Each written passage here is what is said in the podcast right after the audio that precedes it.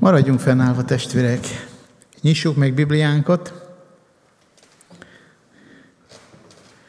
És Sámuel második könyvének hatodik fejezetét keressük meg.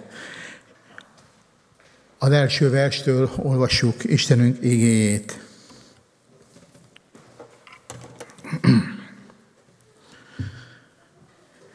Ezután összegyűjtötte Dávid a legkiválóbb ifjait, 30 ezer embert. Elindult és elment Dávid az egész hadinéppel Baje Jehudába, hogy elhozza onnan az Isten ládáját, amely a rajta levő kérubokon trónoló seregek uráló neveztek el. Az Isten ládáját egy új szekéren szállították, és elvitték Abinádáb házából, amely a dombon állt. Aminádáb fia Úzá és Ahjó vezették az új szekeret.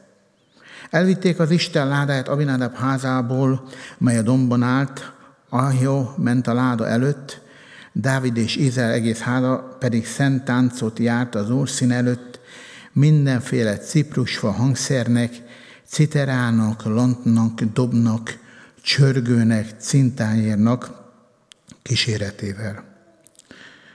Amikor Nákon szériőhez értek, Úza az Isten ládájához kapott, és megfogta, mert megbotlottak az ökrök.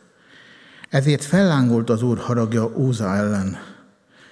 Nyomban lesújtott rá az Isten meggondolatlanságáért, és meghaltott az Isten ládája mellett. Dávid pedig megdöbbent attól, hogy az úr összetörte Úzát. Ezért nevezik ezt a helyet Pérec Uzzának mindmáig. Akkor félni kezdett Dávid az úrtól, és ezt gondolta, hogy jöhetne hozzám az Úr ládája? Imádkozunk.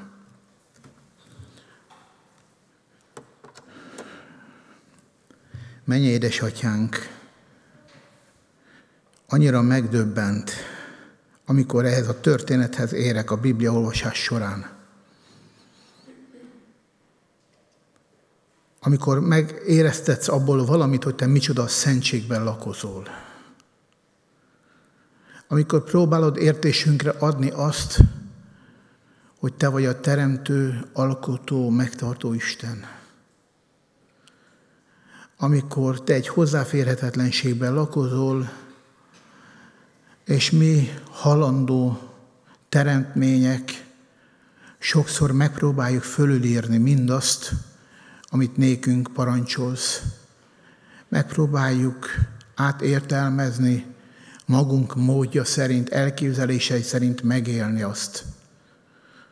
Urunk, ez a történet nagyon élesen kiemeli azt, hogy te semmit, de semmit nem engedsz el azokból, amit megparancsoltál. De mindezeket, ami megjobbulásunkra és védelmünkre tetted. Istenem, ezen a délelőttön, amikor hangzik a Te égéd, Uram, kérlek, nyisd meg a füleket, nyisd meg a szíveket, az értelmeket, Uram, hadd értsük meg, mire akar tanítani bennünket ez a három ezer éves történet.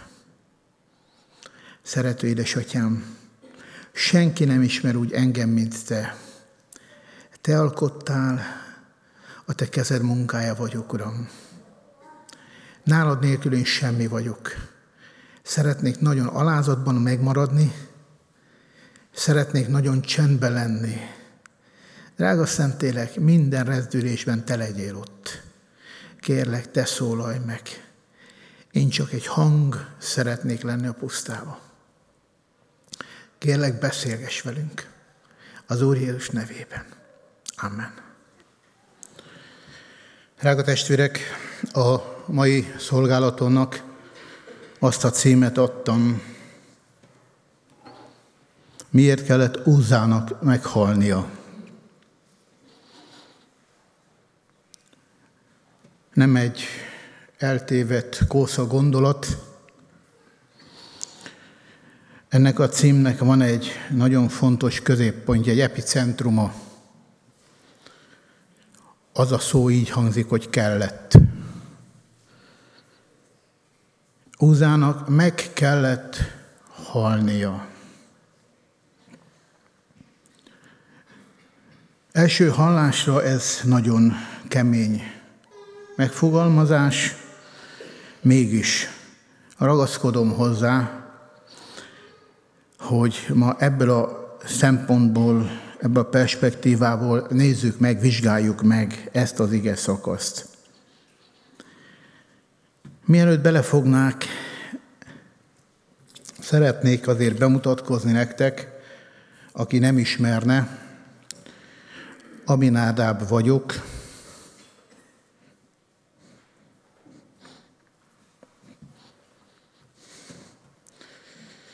Aminádáb az Óza édesapja.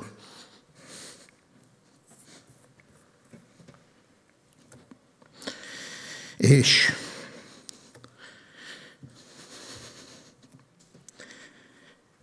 sajnálattal kell tudatnom veletek, hogy a fiam Óza meghalt. Sajnos meghalt. Ilyenkor, mikor ilyen hírt hallunk, kapunk, akkor kérdések tucatja merül fel. De hát miért? Mi történt? Beteg volt? Vagy baleset érte? Fiatal volt? Idős volt? Mi történt? De hát olyan jó ember volt. Amikor elmegyünk ilyen szertartásokra, ahol elbúcsúzunk szeretteinktől, számtalanszor hallani Alex Tamásnak az énekét, aki azt énekelte meg, és az énekében az a mondat hangzik el, hogy csak a jók mennek el. Ők hagynak el.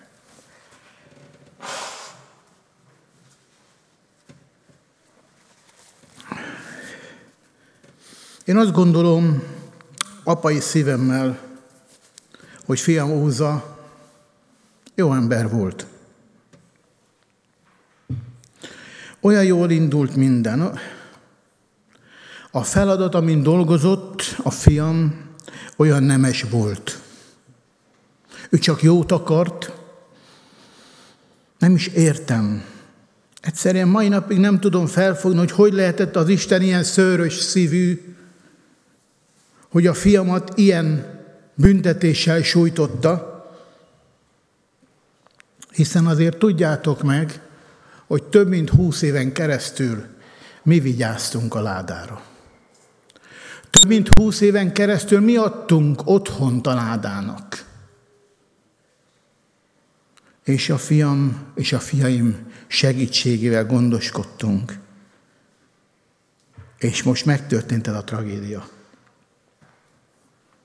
Aztán mindig vannak okoskodók, vannak szemtanúk, azok így szólnak, de ne haragudj, kedves Abinádáb.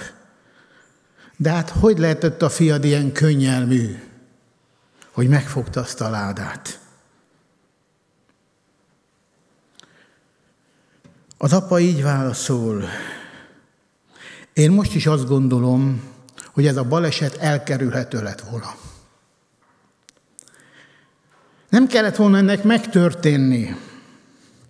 Olyan sokszor hallunk híradásukban olyan ö, bejelentéseket, hogy két autó ütközött frontálisan, és abból az egyik, vagy a gépkocsi vagy az utasa a helyszínen szörnyet halt, csak a végén oda teszik, a biztonsági öv nem volt bekötve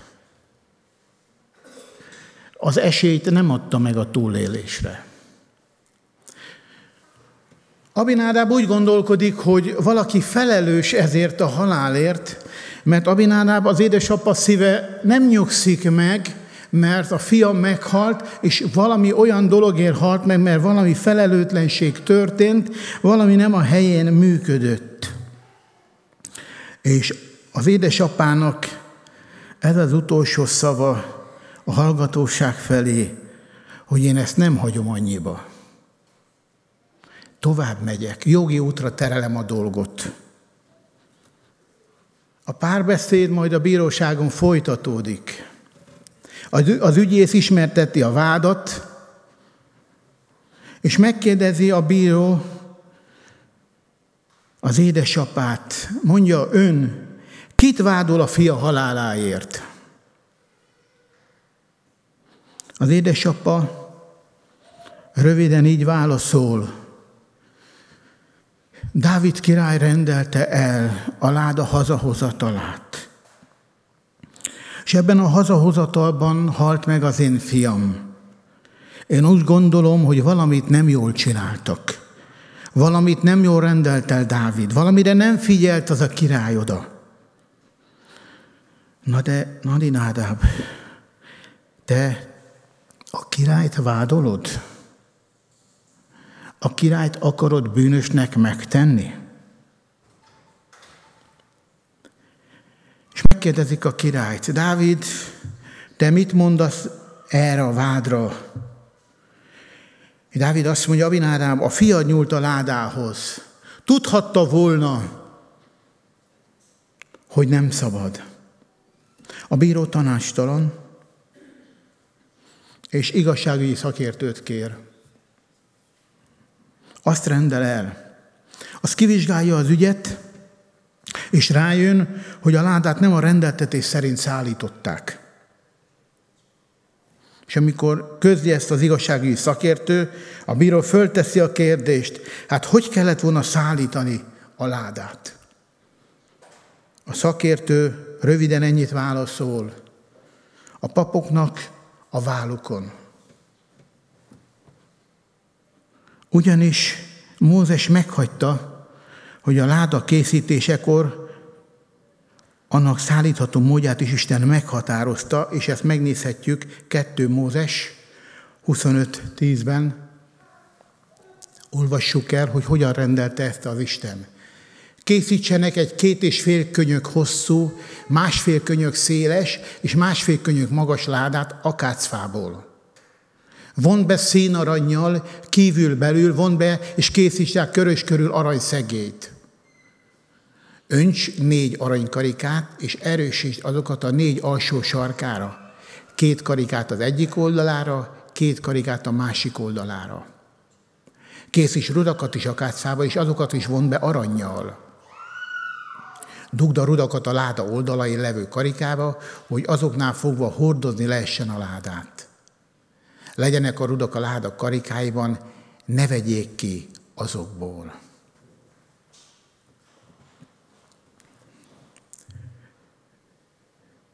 A hiányosság itt fedezhető fel. Isten adott egy rendeletet, egy rendelkezést, és az emberek tovább gondolták, az emberek könnyíteni akartak, hogy is mondjam, modernizáltak.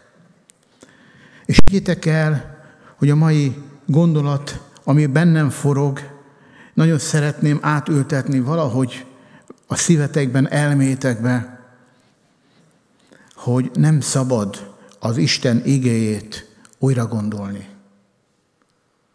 Nem szabad másképp értelmezni amikor elkezdték a második ház építését, a templomot újraépíteni, akkor az Isten a profitának annyit mond, a profitán keresztül, hogy van-e valaki köztetek, aki látta az első háznak dicsőségét. Nagyon fontos volt, hogy arra a mintára épüljön, hogy úgy épüljön, mert ha ma kéne végig mennünk azokon az utcákon, azokon a próbákon, azokon a küzdelmeken, amin a tanítványok végigmentek, csak tanítványokig megyek vissza, biztos, hogy nagyon sok mindent másképp csinálnánk, mert mi tudnánk az okosabb megoldást. Sok mindent kikerülnénk, nem biztos, hogy az lenne a jó.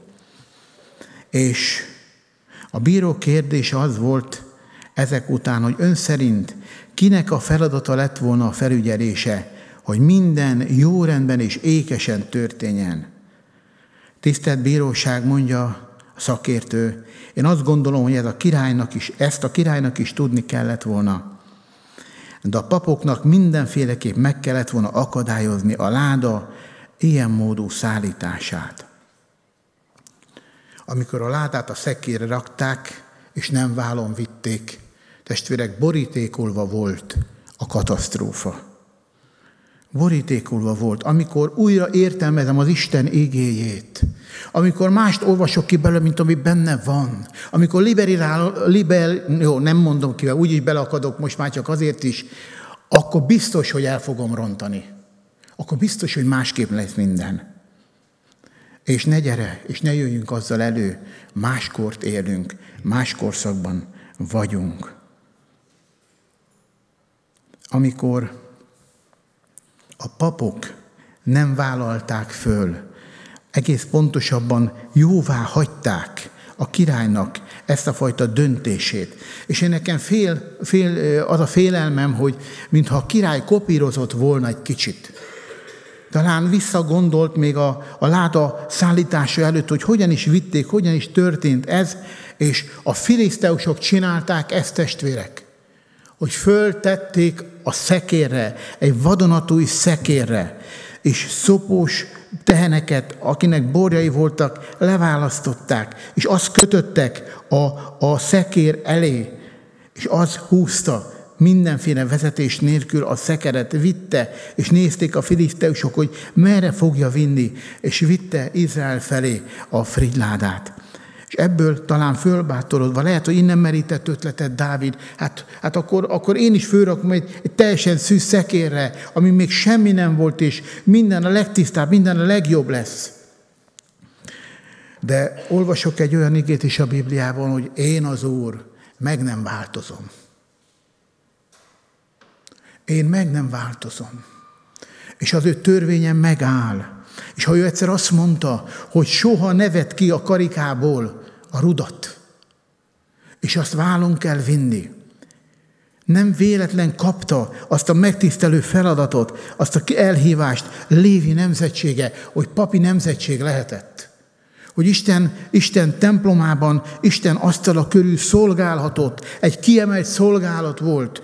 Bejutni a szentek szentjébe abba az időbe legtöbb papnak, legtöbb főpapnak életében egyszer sikerült. Nagyon-nagyon ritka volt, aki kétszer bejutott. És hogy mennyire, mennyire tiszta volt akkor a szentség, hogy mennyire tökéletesen akarták imádni, tisztelni az Istent, bizonyítéka volt az, hogy, hogy hiába tisztogatta meg magát a pap, Semmi nem volt biztos, ezért rákötöttek a lábára egy csengetyűt, és úgy ment meg egy kötelet, és úgy ment be a szentek szentjébe. Ha valami lemaradt a pap életében, ha valami nem volt tiszta a pap életében, akkor ott halt szörnyet.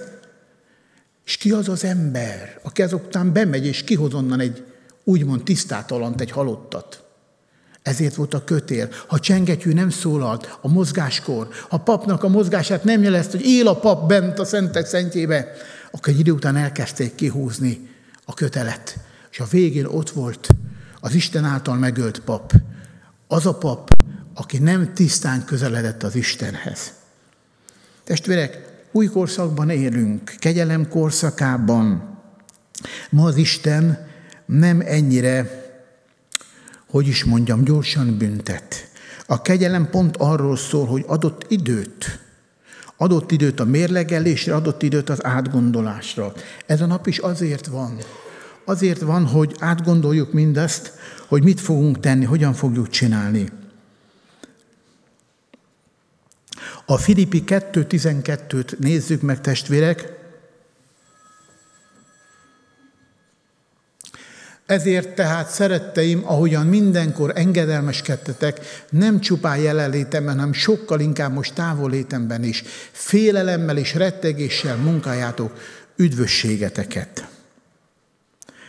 Ezt mondja az apostol, félelemmel és rettegéssel. Az Isten követése az nem hobbi. Az Isten követése nem sportág az Isten követése nem egy hétvégi kikapcsolódás, egy élet halára szóló küzdelem. Egy furcsa képet hozok elétek, hasonlatul, az Isten követése vidám színpad, vagy szülőszoba vidám színpad vagy szülőszoba. Ha elmegyünk a vidám színpadra, akkor ott a bohózatok, a mindenféle malackodásoktól kezdve van minden. Pillanatnyi élvezet, pillanatnyi szórakozás, pillanatnyi boldogsághormont föl tudja növelni, és elnézést a kifejezésért, a vidám színpadon egy idő után az emberek nem nevetnek, annak van egy magasabb fokozata, amit úgy mondunk, hogy hangosan röhögnek. Amikor már, amikor már csordoltig van a, a humorpohár náluk. Amikor már nem tudják feldolgozni teljes mértékben az egészet. Aztán hiába van az a borzasztó magas pont, eljönnek, és hazafele még vissza-vissza idéznek egy-két humor morzsát, aztán estére, másnapra meg leeresztenek, mint a lufi, és ott vannak a kókattan üresen.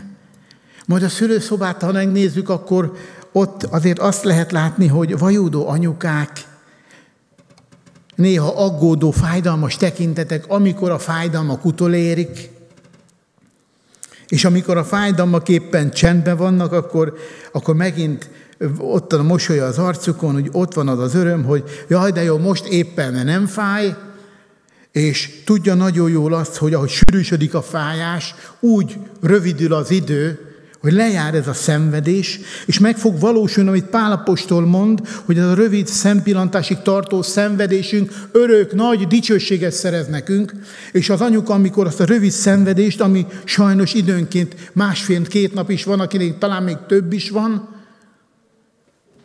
akkor nagyon hosszúnak tűnik, de amikor karába veszi majd azt a drága magzatot, akkor nagyon boldog, és nagyon örül, és azt mondja, hogy igenis, megérte is, és semmi az a szenvedés, mindahhoz a boldogsághoz, amit a gyermek ad. És a szülőszobából úgy távozik az édesanyja, hogy egy maradandó, tartós, örök élményt visz magával. És boldog. Nem úgy, mint a vidám színpadról hazaérkező ember. Mi a helyzet a mai keresztények körében? Valóban félelemmel és rettegéssel teszünk mindent napjainkban. Hadd mondjak valamit, hadd mutassak nektek bibliai példát erre, hogy ki az, aki félelemmel és rettegéssel tette a dolgát. Az Eszter könyvében van az Eszter királynőről szó. Van ott egy, egy ember, akit Hámánnak hívnak, aki a király asztaláról eszik, egy főember, és rossz szemekkel néz Márdokeusra, a zsidó főemberre, és elhatározza, hogy pusztulásukat elintézi a királynál. És az Eszter fülébe jut, és elmondja neki a Márdokeus, hogy nehogy azt hidd, hogy te királynősdit játszani kerültél be az udvarba, hanem azért kerültél ide, mert a nép életéért kell közben járnod. És testvérek, Eszter felöltözik, díszítgeti magát, készíti napokon át magát, és, és, és azt mondta Márdokeusnak, hogy bemegyek a király elé. Ha meghalok, meghalok. Ha életben vagyok, akkor jó. Ha meghalok, úgy is jó. És felöltözött a legszebb ruhájában, a leg, a leg, legcsinosabban, és, és elnézést, nem, nincs szó a szexiről, nem elbűvölni akarta a férfi indulatait a királynak. Ugyanis amikor a király elé bement, a király előtt voltak főemberek, a király előtt vannak vendégek, más tartományokból, fontos tárgyalások, beszélgetések folynak, és amikor belép a király felesége, akkor egy ilyen ceremónia közepébe lép bele, hívás nélkül, és hívás nélkül a király elé menni egyelő volt a halállal. A királyon múlott, hogy jó paszba van-e vagy nem, és nagyon sok minden múlott az, hogy milyen híreket kapott a másik tartományokból. Lesz-e háború, nem lesz-e háború, meglopták a termést, nem lopták meg a termést, hogy adóznak az emberek. Sok minden közrejátszhatott a hangulatába. És ott van ez a ez az asszony felöltözve, és azt mondja, egy életem és egy halálom, de én bemegyek a király elé. Mert a népem sorsa számomra nagyon fontos. És félelemmel és rettegéssel benyit az ajtón a király elé. És a nagy ö, teremben sok-sok ember tartózkodhatott. És király is megdöbben, amikor az ajtóban meglátja a feleségét.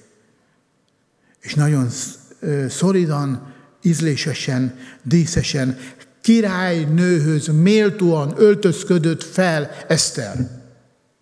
Azért, mert a királyt képviselte. Ő nem lejáratni ment a királyt. Ő emelni ment a királyt. Hogy aki beszélt a királlyal, és a királynak a nagyságát, a királynak a bölcsességét látta, de még nem látta, mert vendég volt, nem látta a királynét, és most megadatott váratlanul, hogy a királyné is bejön, egy olyan ajtó mögé is benézhetett a vendég, amit eddig nem gondolt, hogy megadatik, meglátja a királynőt. És, és elhiszi a király hitelességét, mert a királynő olyan a megjelenésében, hogy nem járatja le a királyt. Ha rám néz a király, mit fog mondani? Kisimítom-e homlokán a ráncokat? Magamra tudom-e vonni a figyelmét? Vajon tud-e dicsekedni velem? Nagyon nem mindegy, hogyan jelenek meg Isten előtt. Hogyan öltözködöm, hogyan jövök az Isten házában, hogyan, hogyan végzem a szolgálatomat. Őt emeleme, vagy azt akarom, hogy minden szem rajtam legyen. Azt akarom, hogy engem ne felejtsenek el az emberek. És majd az ajtón, amikor megyek kifele, fogadom a köszöntéseket, hogy jól áll rajtad ez a ruha. Most nagyon csinos vagy megint. Nem baj, ha megdicsérjük egymást. De nem ez a gyülekezet profilja. És nem ezért jövünk ide. Az angyal, mikor megjelent Máriának, azt mondja, áldott vagy te az asszonyok között. Mondjuk ezt egymásnak. Áldott gyermeke vagy te az Úrnak. Köszöntsük őket így. Köszöntsük egymást így. Emeljük a mi királyunkat, hogy olyan királyunk van, akinek maximálisan megadjuk a tiszteletet. Malakiás 1.6 tizet még keressük meg, de mielőtt ezt felolvasnám, és ha úgy jelenünk meg az Isten, vagy a király előtt, akkor, akkor tulajdonképpen ki fogja nyújtani az aranypálcáját, ahogy az Eszternél is kinyújtotta, és ez az életet jelentette az Eszter számára. Testvér, ne menj ma haza innen, amíg az aranypálcát ki nem nyújtja a király. Törj össze előtte, aláz meg magad előtte, és ad, akarjad és kérjed, hogy nyújtsa ki a pálcáját, kegyelmezzen neked. Mert hiába voltál a király előtt, hiába voltál a királyné, vagy vagy a királyné, ha pálca lógva marad, a napjaid meg vannak számolva. Testvér, nem kell ennek így lenni. Malakiás 1.6.10 így beszél. A fiú tiszteli atyát, a szolga az urát. Ha én atya vagyok, miért nem tisztelnek? Ha én úr vagyok, miért nem félnek engem? Mondja a seregek ura nektek, mondja a seregek ura. Ti papok, akik megvetitek nevemet, ti ezt kérdezitek, mivel vetettük meg nevedet? Azzal, hogy oltáron a tisztátalan kenyeret hoztok. Mivel tettük tisztátalanná, kérdezik. Azzal, hogy az úrasztalát semmibe veszitek. Mert vakállatot hoztok áldozatul, és nem tartottátok rossznak. Sántát vagy bénát hoztok, és nem tartjátok rossznak. De vidd csak a helytartódnak. Kegyes lesz-e hozzád, és szívesen fogad-e, mondja a seregek ura. Esedezzetek csak Istenhez, hogy kegyelmezzen nektek, ha ilyen ajándék van keretekben, szívesen fogadja el tőletek, mondja a seregek ura. Bár csak volna valaki köztetek, akik bezárná a templom ajtaját, és ne égne hiába oltára van a tűz. Nem telik kedvem bennetek, mondja a seregek ura, nem kívánok tőletek áldozatot. Testvérek, Félelmetes, amit itt Malakiásnál elmond az Úr. Ez az akkori nép ellenszóló vád volt.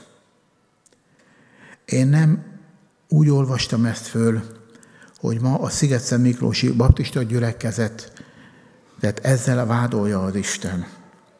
Több vádpont szerepel ebben a leírásban. Ahhoz, hogy a pálca ki legyen nyújtva, olvas végig, értelmez végig a vádpontokat. Ha valahol hiával találtatsz, akkor tegyük azt most még rendbe. Azt mondja, bár csak volna valaki köztetek, aki bezárna a templom ajtót, és ne égne hiába oltáramon a tűz. Éjsaiás egyben így fogalmaz az Isten, bűnt és ünneplést el nem szenvedhetem. Együtt nem megy a kettő. Az életünkben vannak olyan helyzetek, helyek, és én a, most a helyes öltözködésre gondolok elsősorban. Ezt vizsgáljátok meg, gondoljátok meg, ez szívemben volt, ezt elmondom. Van a színház, az opera, olyan étterem, ami magas, nívós. Testvérek, nagyon szomorúan kell kimondanom azt, hogy olyan éttermek, olyan helyek ezek, ahová jó néhányunkat most nem engednének be. Ha most innen be kéne vonulnunk egy operába, szerintem többünket az ajtón kívül hagynának. De hála az Istennek, hogy Isten házába jövünk, és ott nincsenek ilyen szigorok. Kemény beszéd, tudom, kicsoda hallgathatja. El is lehet menni, Jézus mellől is elmentek, de nem segít.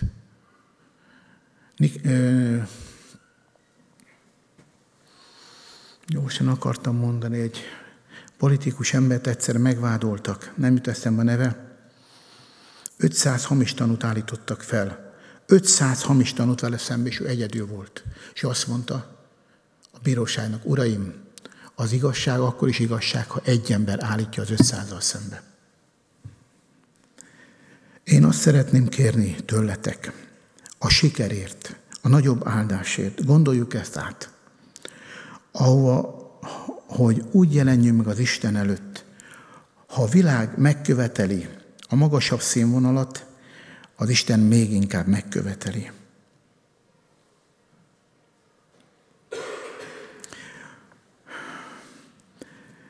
Miért kellett Úzának meghalni?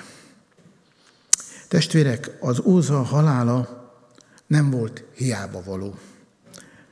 Nem volt értelmetlen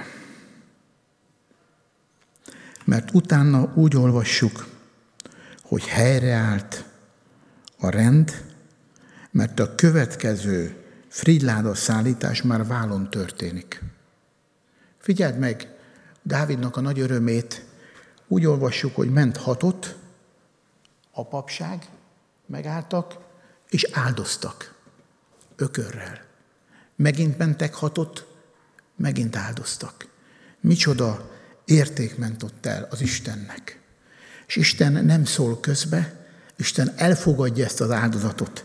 Isten megáldja az embert. Egy tanítványt szeretnék még elétek hozni, aki furcsán viselkedik. János 21, 1 hét.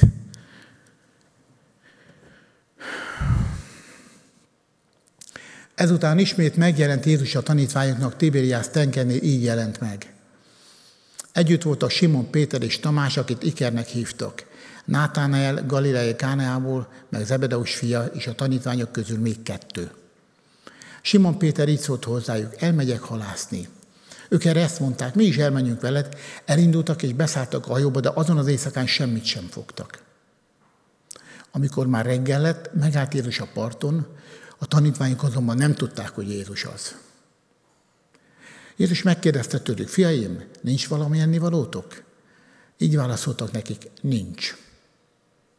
Ők pedig ezt mondták nekik, vessétek ki a hálót a hajó jobb oldalán, és találtok, kivetették tehát, de kivonni már nem tudták a rengeteg hal miatt. Ekkor odaszólt Péterhez az, az, Péterhez az a tanítvány, akit Jézus szeretett. Az Úr az. Amikor Simon Péter meghallotta, hogy az Úr az magára vette a felső ruháját, mert mezítelen volt, így belevetette magát a tengerbe. Testvérek, a napokban lent voltak gyermekeink Balatonon, egy pár napot, és egy, egyetlen egy napra leszaladtunk reggel, és este jöttünk.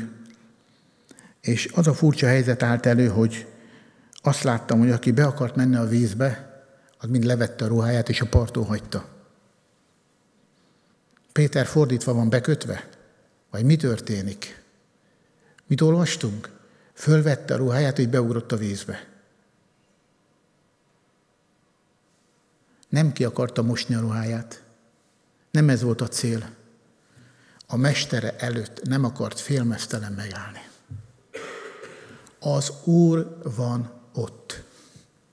És ahol az Úr van, megéleti a legnagyobb tisztelet. Megéleti a legnagyobb szeretet. Figyelem. Én, drága testvéreim, szívemben ezeket a gondolatokat hoztam, hogy nem halt meg Úza hiába, mert helyre tették utána a dolgokat, és helyesen szállították, és arra tudlak még bátorítani benneteket, ha elfogadjuk az Isten törvét és hozzáigazítjuk magunkat, akkor a Jézus Krisztus halála sem volt hiába érettünk. Mert valaki meghalt miértünk is. Erre fogunk majd emlékezni hamarosan. De keressünk még meg, van két-három igevers, amit mindenképp szeretnék megosztani, Prédikátor 7.17, záró gondolatokként. Ne légy fölöttébb bűnös, és ne légy bolond. Miért halnál meg idő előtt? Salamon beszéde. Aztán Ezékiel 18.31. Hagyjatok fel védkeitekkel, amelyeket elkövettetek, és újuljatok meg szívetekben és lelketekben. Miért halnátok meg, Izrael háza? Mit mondtam a szolgálat elején? Az édesapa azt mondta, hogy ez a baleset elkerülhető lett volna. Meggondolatlan volt, könnyelmű volt, figyelmetlen volt Dávid. Én nem tudom, a papokat mi vezérelte, amiért ilyen döntésben nem szóltak bele. Talán, ha megengedtek egy nagyon apró kis ideillő történetet, Ámos hétben van megírva ez, amikor Ámos proféta Bételbe van és profétál, és Amáziás főpap oda megy hozzá, és azt mondja neki, hogy te proféta, eredj innen, menj és máshol profétáljál, mert ez a királynak a szent helye. És azt mondja a Ámos proféta, így válaszol, nem vagyok én proféta, sem profétának a fia. Én egy barompásztor vagyok, aki vadfügét szed. De elhívott engem az Úr, és azért szolgálok. Figyeld még egyszer az egészet, nem vagyok proféta, sem profétának a fia. Barompásztor vagyok, vadfügét szedek. Amikor a Amáziás főpap rászól, hogy máshol profétálj, nem véletlen küldte el, mert a profétáknak volt egy olyan jussuk, hogy ahol profétáltak, megillette az élelem és a szállás. És Amáziás azt gondolta a főpap létére, annyira tiszta volt a látása, azt gondolta, hogy ez a szerencsétlen kóbor proféta korog a gyomra, éhes, és most kitalál valami koholt proféciát, és itt próbált a király körül okoskodni, hogy legyen szállása, legyen eredele. És elmondja, hogy én nem vagyok profita, mi csak nem is abban a családból származom. És különben is van eledelem. Vadfügét szedek, és van eledelem. És, és nem, nem, nem, nem kell a szállás, nem kell az étel de elhívott az Úr, és mondanom kell. És próbál prédikálni Ámos. Majd a befejező rész. Malakiás profétából keressük meg, ez az utolsó igevers, Malakiás 3.10. Hozzátok be a raktárba az egész tizedet, hadd legyen eleség a házamba, és így tegyetek próbára engem, mondja a seregek ura. Meglátjátok, hogy megnyitom az ég csatornáit, és bőséges áldást árasztok rátok. Elriasztom tőletek a sáskákat, nem pusztítja a földeteket, term, földetek termését, nem teszik tönkre a szőlőtő, szőlőtöket, a határban mondja a seregek ura. Boldognak mond benneteket minden nép, mert gyönyörű lesz országotok, mondja a seregek ura. Rága szeretteim, Akarsz-e boldog lenni? Testvérek, akarunk-e boldogok lenni? Itt a nagy lehetőség. Most, mikor meg fogunk emlékezni az orvacsoráról, meg fogunk emlékezni az Úr Jézus haláláról, hadd figyelmeztesselek, és hadd hívjam fel a figyelmeteket Pálapostolnak azon szavaira, ebben a helyzetben hogy biztatja hallgatóságát, hogy úgy mondja, próbálja meg azért az ember magát, és úgy egyék, és úgy igyék abból a pohárból. Tehát az erőfeszítés legyen meg. Akarjál, akarjak változni, akarjak az igazi zsinór mértékhez igazodni. Lehet, hogy te más tudtál volna most ebből kihozni, lehet, hogy másképp látod az egészet. Én azra kérlek, hogy, hogy adja Szentléleknek egy esélyt, egy utat. Azt mondja az Isten, hogy próbáljatok meg engem. És meglátjátok, hogy bepótolok minden, minden áldása tiétek lesz. És szívemből kívánom, hogy valósuljon meg életünkben ez. Amen.